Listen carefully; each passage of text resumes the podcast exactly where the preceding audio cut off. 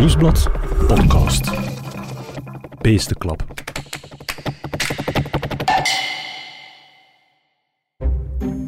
Welkom bij Beestenklap, een podcast over pratende dieren. Ja, honden zullen altijd blaffen en katten zullen miauwen, maar wat willen ze ons eigenlijk zeggen?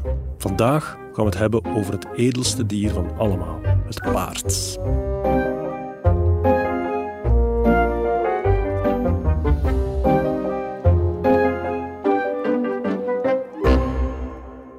Ik ben Bavo Vermeulen. Welkom bij deze aflevering van Beestenklap. Vandaag zit bij mij in de studio Eline van de Geugde, reporter bij het Nieuwsblad.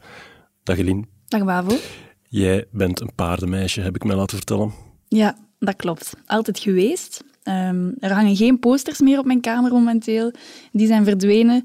Um, maar met een paard door de bossen rijden, dat is wel nog altijd um, een van mijn grootste pleziertjes. Zeg maar. Je hebt zelf ook een paard.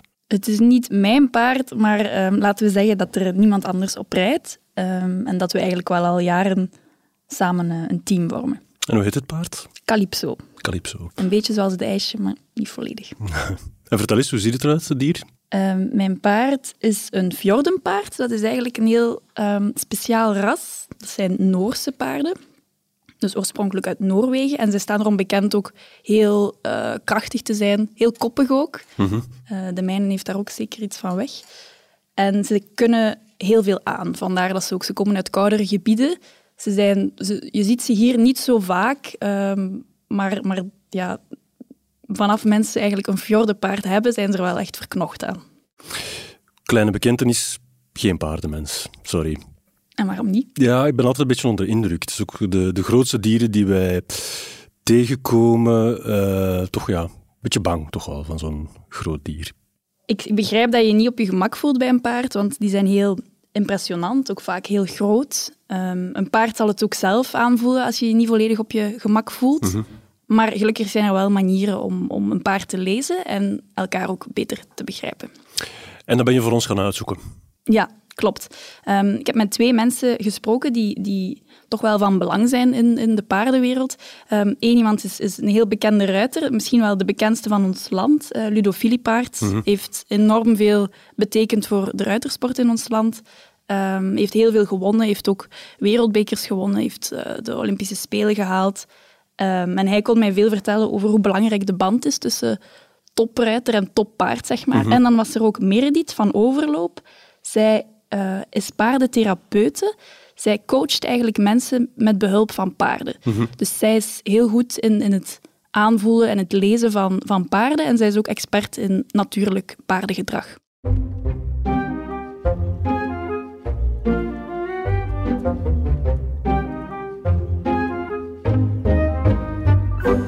Dus Eline, je bent bij die specialisten dan geweest, maar ik ga ervan uit, als ervaren ruiter uh, en u, door uw band met Calypso, dat je toch al een en ander wist. Ja, klopt. Ik heb wel het gevoel dat ik mijn, mijn paard ken, of, of toch redelijk wat ervan begrijp. Um, maar ook ik heb heel veel bijgeleerd um, van de specialisten. Mm -hmm. Bijvoorbeeld briezen, dat is eigenlijk het moment dat ze heel krachtig ademen door hun neus.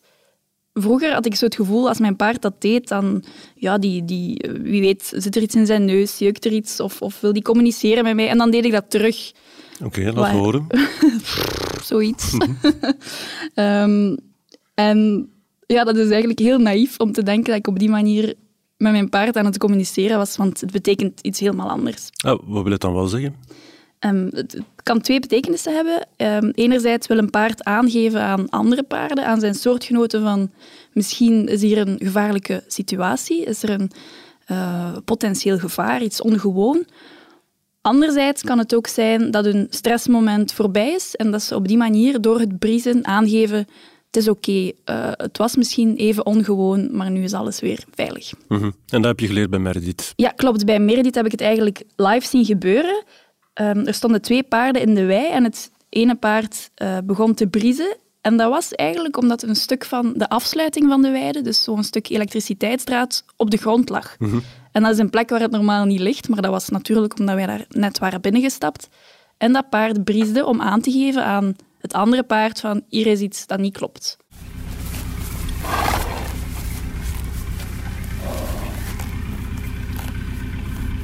Er was hier een stressmoment. Die elektriciteitsdraad lag op de grond. Hè. Dat, dat tikte zo wat. Ja. Eh, hij had daar stress van. Hè. Je hoorde het. Hè. Hij, hij blies Ja. door zijn neus.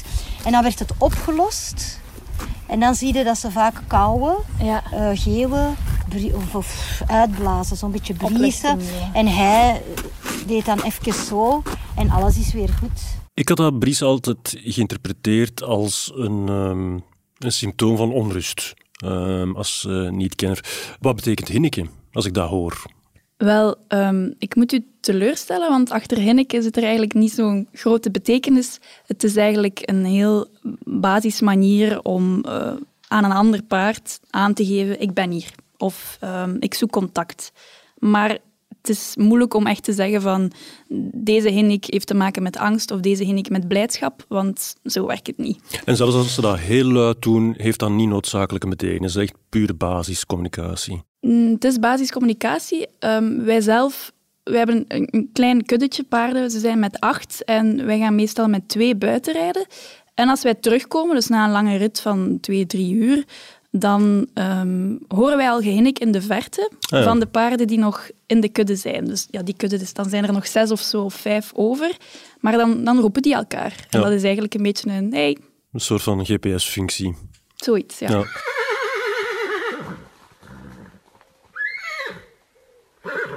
Het bries en het hinneke, dat zijn eigenlijk signalen die ze aan elkaar geven. Ehm, zijn er ook eh, alarmsignalen of andere signalen die ze geven aan ruiters of passanten of mensen?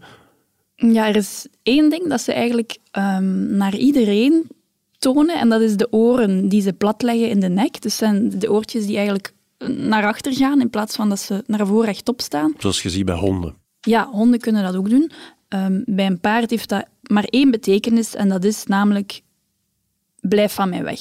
Ja. Dit is mijn ruimte en ik heb liever niet dat je er nu in komt, dat je mij aanraakt. Dus het is sowieso wel een signaal om aan te geven, dit is mijn ruimte, ik wil hier liever alleen in zitten. Kom niet dichterbij.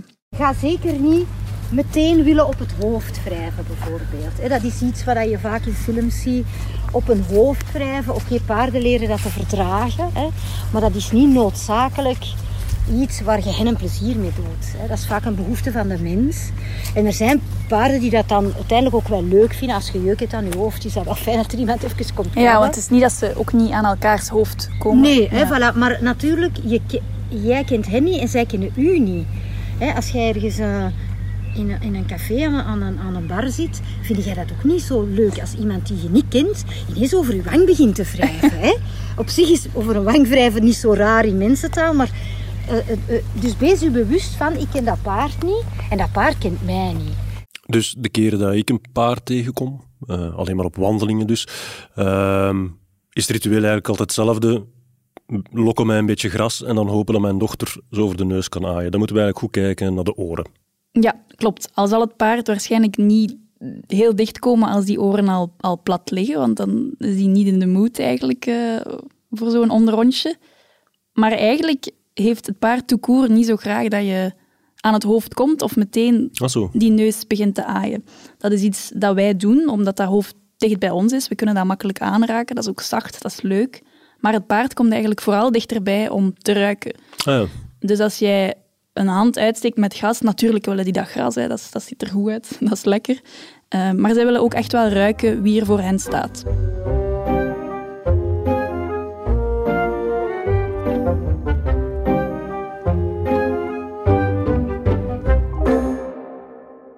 Ze vinden het dus niet eh, leuk om geaaid te worden. Zijn er dingen die ze wel leuk vinden?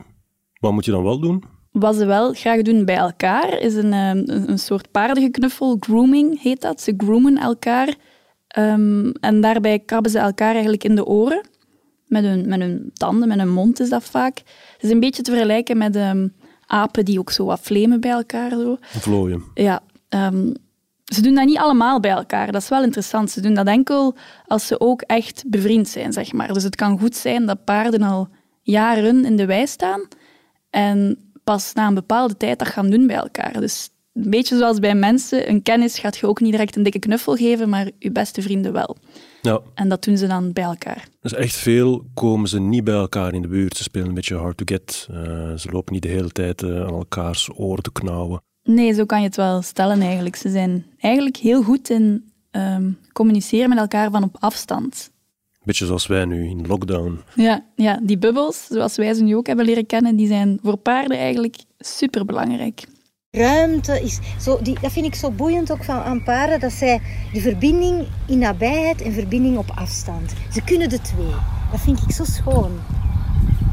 Wij communiceren veel met onze gelaten. Dus wij kijken naar Ja. de gelaatsuitdrukkingen. Zij minder. Zij communiceren in eerste instantie met ruimte. Ja, Welke ruimte is er? ja, welke ruimte is er tussen ons? Welke plek neem ik in? Wie brengt de ander in beweging? Bij roofdieren geldt eerder om hiërarchie te bepalen wie immobiliseert wie. Door in de nek te bijten Ja. en, en ik duw u tegen de grond. Bij prooidieren, vluchtdieren, is het vaak wie brengt de ander in beweging. Ja, dat is iets heel herkenbaar, denk ik, voor mensen die ooit al eens een film hebben gezien waar, waar paarden een, eh, een hoofdrol in spelen. Ehm, de kans is groot dat er een scène in zat waarbij een cowboy eigenlijk een, een paard moet temmen en daarvoor eerst heel afstandelijk doet. Dus hij neemt afstand van het paard om op die manier vertrouwen te winnen.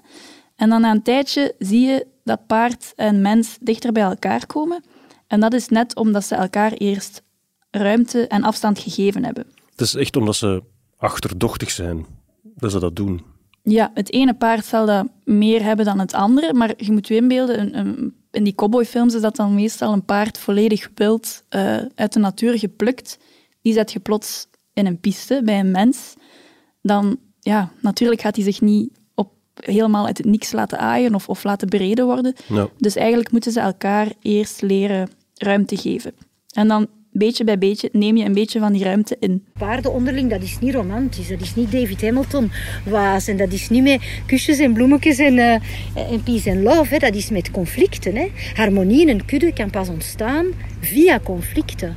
Het is pas als elk lid van de kudde zijn of haar grens heeft getrokken, dat er harmonie kan ontstaan. En die conflicten zijn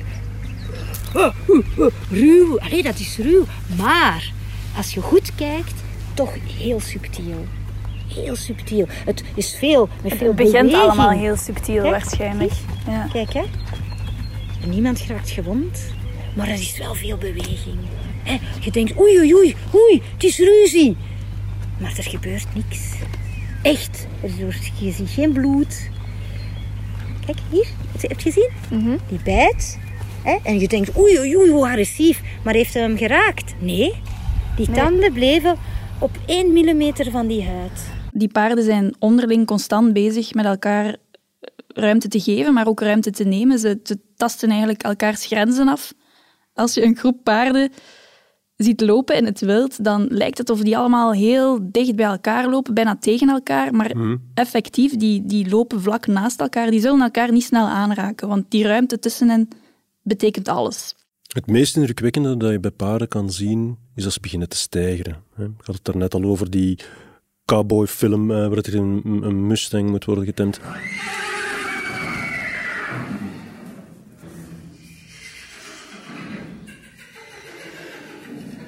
Ehm, wat wil dat eigenlijk zeggen? Wat doen ze dan?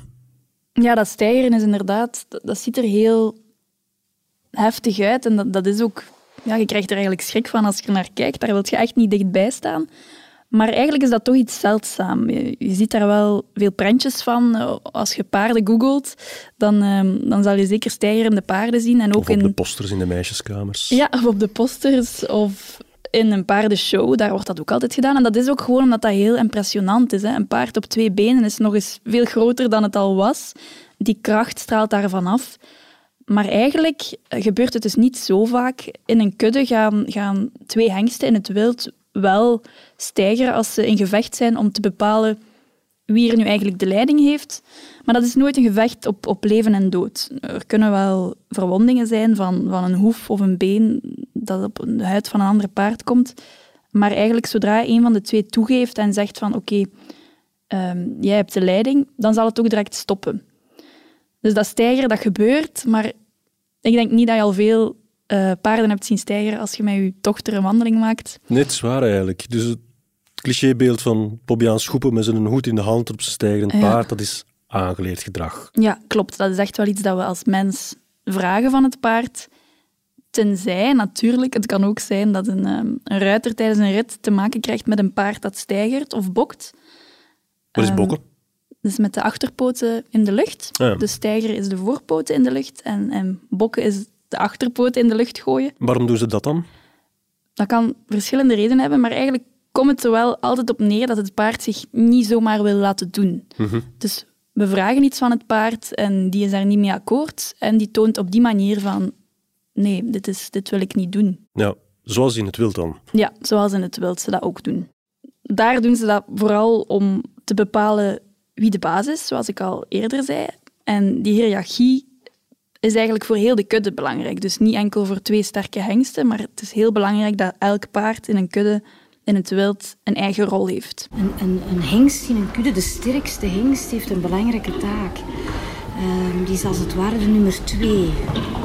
Die heeft de taak om wat vooraan de leidende merrie heeft beslist, om dat te ondersteunen en te zorgen achteraan dat dat gebeurt. Eline, dat is voor mij een beetje contra-intuïtief. Ik zou zeggen, de hengst leidt de- de kudde, maar dat, het is eigenlijk andersom. Ja, de merrie leidt eigenlijk de kudde. Maar die hengst heeft ook een heel belangrijke taak. Ehm, die is als het ware de nummer twee van de kudde. En die heeft de taak om, om wat vooraan beslist wordt door die leidende merrie, die dus kiest naar waar de kudde gaat, om dat ook effectief te ondersteunen, om ervoor te zorgen dat dat ook gebeurt. Dus die houdt eigenlijk een oogje in het zeil. En in zo'n kudde ehm, gaan hengsten ehm, het pleit beslechten door te, ehm, door te stijgen, maar merries doen dat dan niet. Dat is altijd duidelijk, dat is de leidende merrie. De leidende merrie, die, eh, haar, haar rol wordt vooral bepaald door de ervaring die ze heeft. Dus dat gaat ook geen jong veulen zijn. Dat zal altijd een ouder paard zijn. Een merrie die, die eigenlijk al, al jaren in de groep zit en die dus genoeg ervaring heeft om te weten, dit heeft de kudde nodig. En hoe die rollen worden ingevuld, ehm, dat, dat kan variëren naar gelang de context. Bijvoorbeeld, we gaan straks naar mijn kleine kudde, waar dan een bepaalde nummer 1 is, een nummer 2, hè, een hiërarchie, waar dat de afspraken duidelijk zijn. Maar als we bijvoorbeeld met die vier naar buiten op straat gaan, veranderen die. Omdat, het is niet omdat je in een weide in een rustige, stabiele context ervaring hebt, dat als je buiten gaat, dat je evenveel ervaring hebt als leider in het verkeer. Ja. En dus vermits paarden geen ego hebben, switchen die. Zeggen Ja. die, ah ja, jij kunt dat nu beter. Dat is fantastisch eigenlijk. Dat is iets waar we allemaal iets van kunnen leren. Dat is ook exact wat Meredith als coach probeert te doen. Dus zij leert andere mensen omgaan met hun leiderschap aan de hand van hoe het in een kudde paarden werkt. Ehm, wat heel belangrijk is bij die paarden, is dat zij zich eigenlijk ook kunnen aanpassen. Dus zij, zij hebben een gedeeld leiderschap. Elk paard heeft een eigen functie, een eigen rol. En zij voeren die rol uit omdat zij daar zelf het beste in zijn. Maar een paard heeft geen ego. Dus als er een moment komt waarop een ander paard er beter in wordt, omdat eh, wij in een andere omgeving zitten, bijvoorbeeld eh, de stal of de wei, dat is een andere context, zal die probleemloos zijn functie afstaan aan dat andere paard. Ja. Ze hebben zoiets van, oké, ik ben nu de leider, maar ik ben hier niet vast benoemd. Als buiten de wei dat ander paard het beter kan, beter de kudde kan beschermen, dan mag die dat doen. Als je kijkt vanuit van de bril van paarden naar leiderschap en samenwerking, dan kan het eigenlijk eenvoudiger. Ja. Dan dat wij het mensen soms aanpakken. Dat hè. is wel interessant dat je zo zegt van ja, ze hebben geen ego en Ja, ja, Hè, ze laten iemand die los. het beste job kan, die gaat het doen. Ja. En niemand gaat zeggen in een kudde, ja, maar ik ben hier vast benoemd. Ja, dat is ook iets dat ik herken bij mijn eigen paard, of onze eigen kleine kudde, zeg maar. Mijn eigen paard, Calypso, die staat in de wei, tussen de andere paarden, laag in rang. Eh, noemen we dat dan? Ja, ocharme. Die zal ook altijd later gaan eten dan de rest en zo. Ehm, maar buiten de wei, dus in een andere context, als we naar het bos gaan, waar we paardrijden effectief, is hij eigenlijk leider. Dan, dan rijdt hij vooraan en volgen andere paarden hem. Dus het moet toch zijn dat dat in die andere context wel mogelijk is om, om ja, dat leiderschap te wisselen, zeg maar. Ja, Dutske in de stal, maar de baas buiten. Voilà. Goed, Calypso.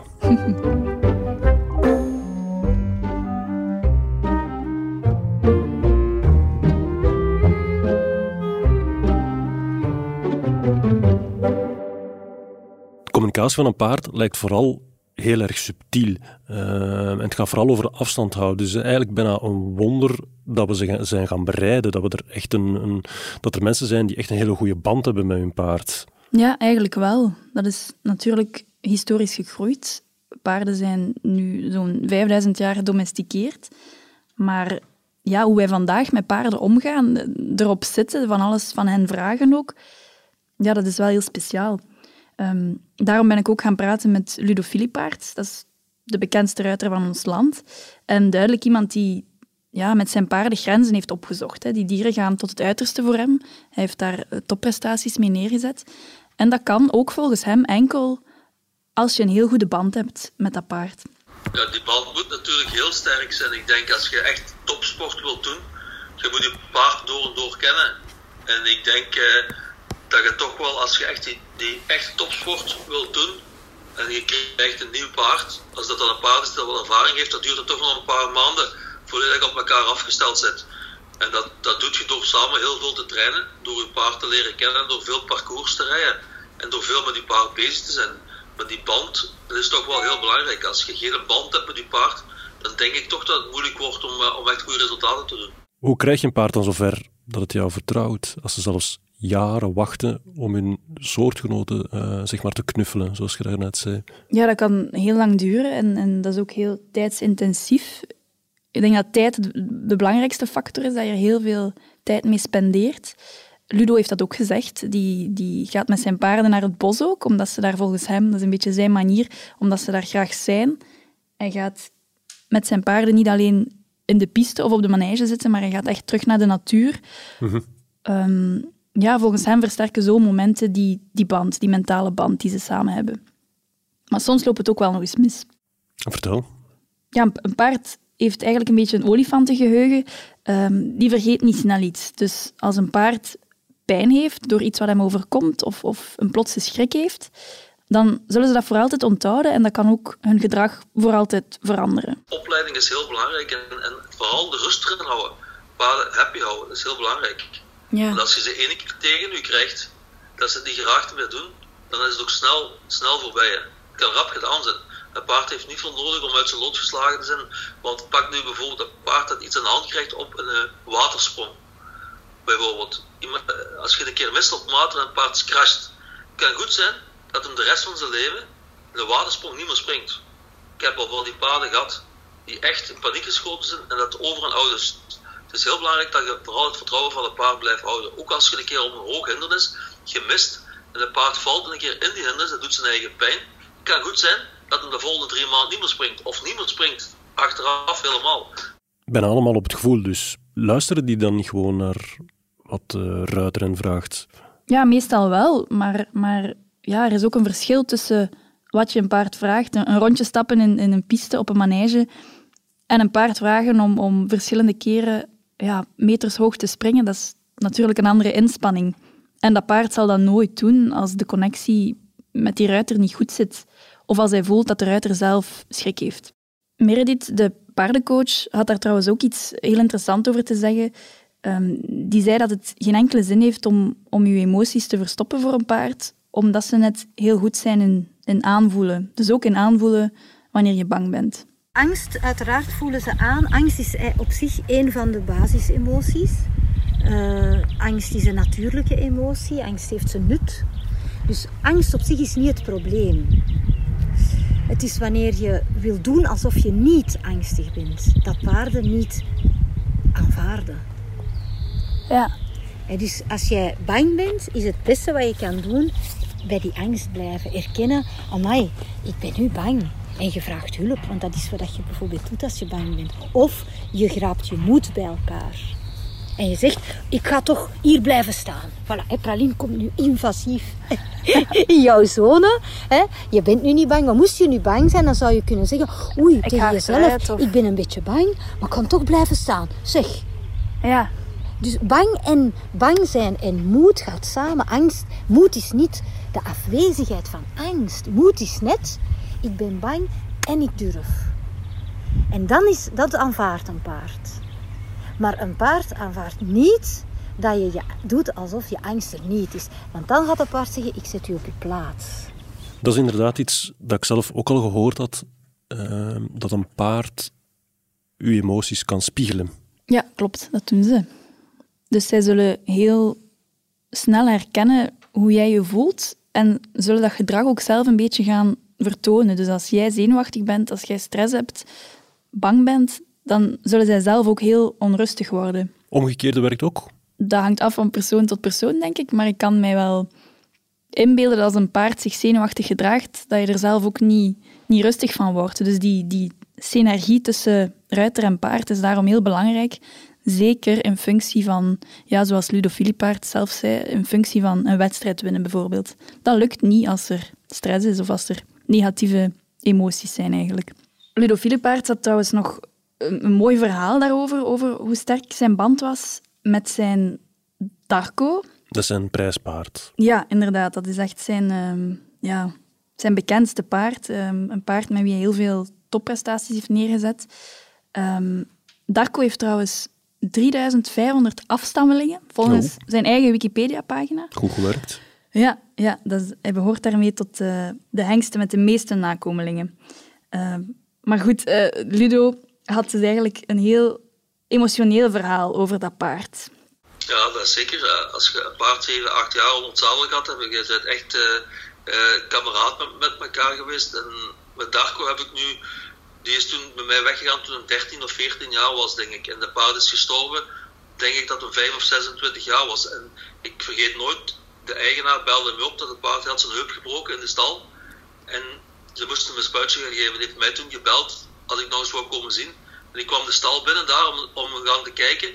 Hij stak zijn hoofd omhoog en begon te hinniken. Dus dat heb ik tien jaar niet meer gezien. En toch herkende hij mijn stem dadelijk. Ja. Dus dat was eigenlijk wel heel speciaal. Ja. Dus het eigen paard, die hebben toch wel die onthoudt heel goed. Allee, dat was toch wel een teken dat, ja, dat de paarden toch wel mensen heel goed herkennen. Hè.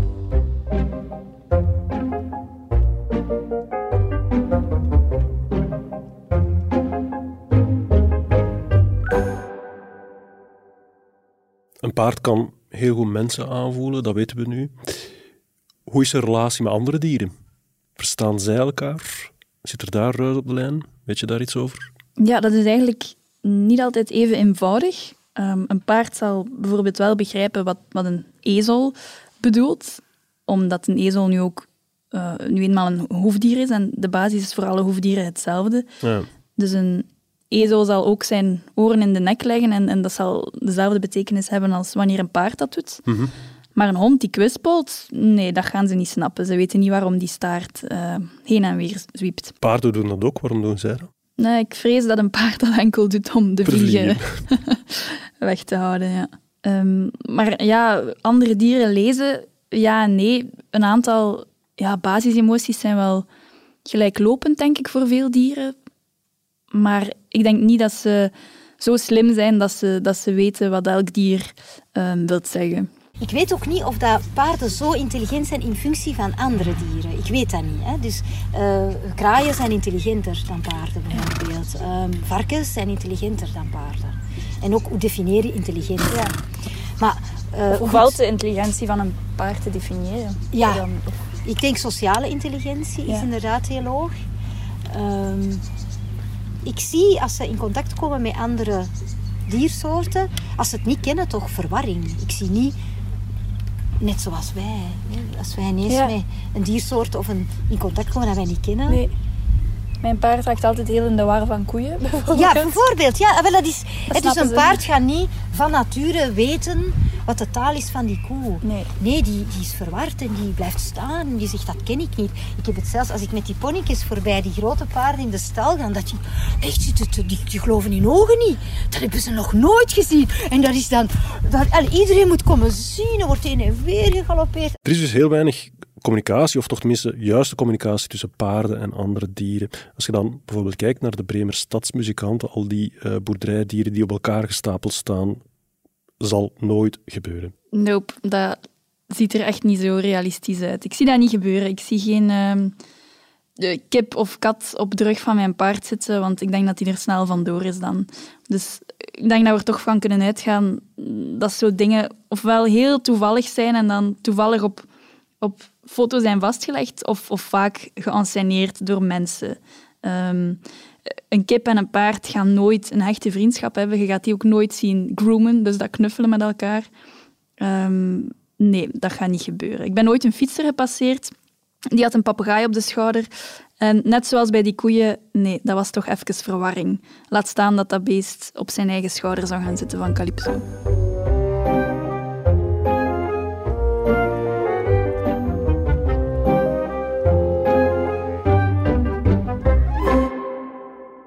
Oké, okay, heel veel bijgeleerd.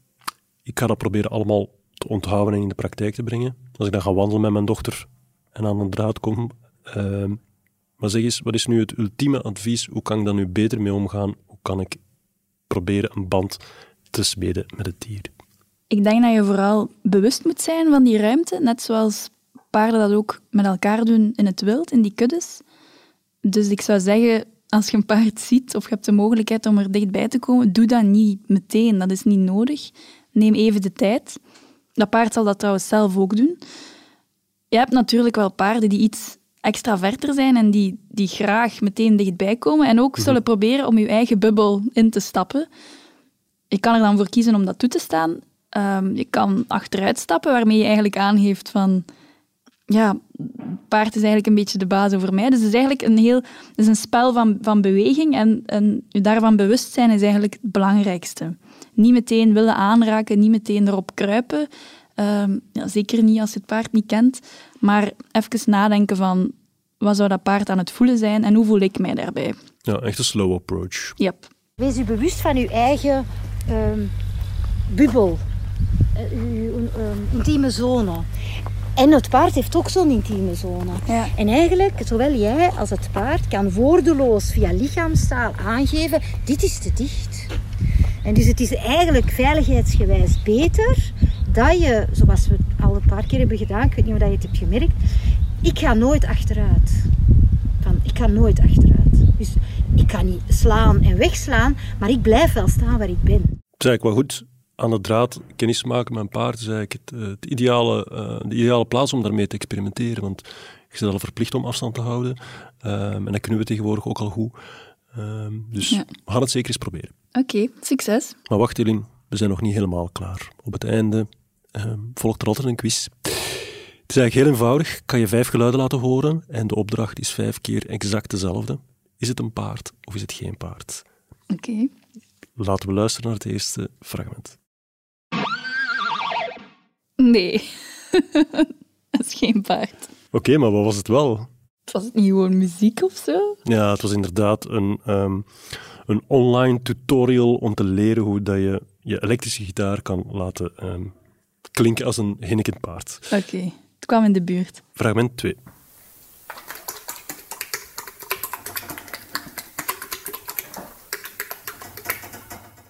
Ik denk van niet. Ik denk niet dat dat een paard is. Het was wel een paard. Echt? We zien een paard in een box, uit de box hangen en die doet iets heel gek met zijn uh, blijkbaar ook heel grote boven- en onderlippen.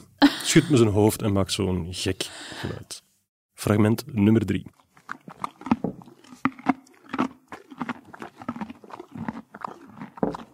Ik denk dat het hier wel een paard kan zijn die aan het eten is. Serieus. En kon je ook horen wat? Wortelen? Een wortel, inderdaad. Ja. Oké, dat is twee op drie. Nu gaan we naar fragment nummer vier.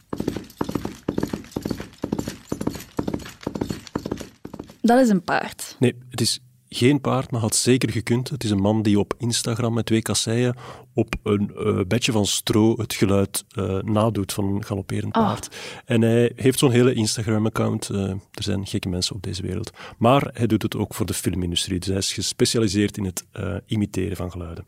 Ja, hij kan het goed. Laatste fragment.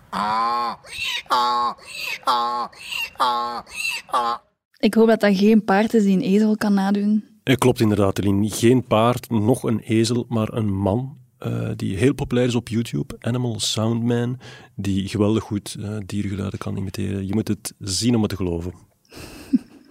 Eline, dat was drie op vijf. Niet slecht, maar ook niet schitterend, denk ik. Ik denk dat ik mijn skills nog moet bijschaven in uh, het nadoen van paardengeluiden, denk ik. In elk geval, heel erg bedankt voor je komst naar de studio. Het was heel leuk. Dag, Babo. Salut. Dit was Beestenklap, een podcast van het Nieuwsblad. De presentatie was in handen van mezelf, Pavo Vermeulen. En de reporter die langskwam was Eline van de Gehuchten. Speciale dank ook aan paardentherapeut Meredith van Overloop en de ruiter Ludo Philippaerts. De audioproductie gebeurde door Jeremy Vettorel van House of Media en de eindredactie was in handen van Eva Migom en Bert Heijvaart. Hebt u de andere podcast van het Nieuwsblad al ontdekt? Op uw podcastkanaal vindt u ook Stemmen van Assise, Shotcast, Koninklijk Bloed en De Koers is van ons.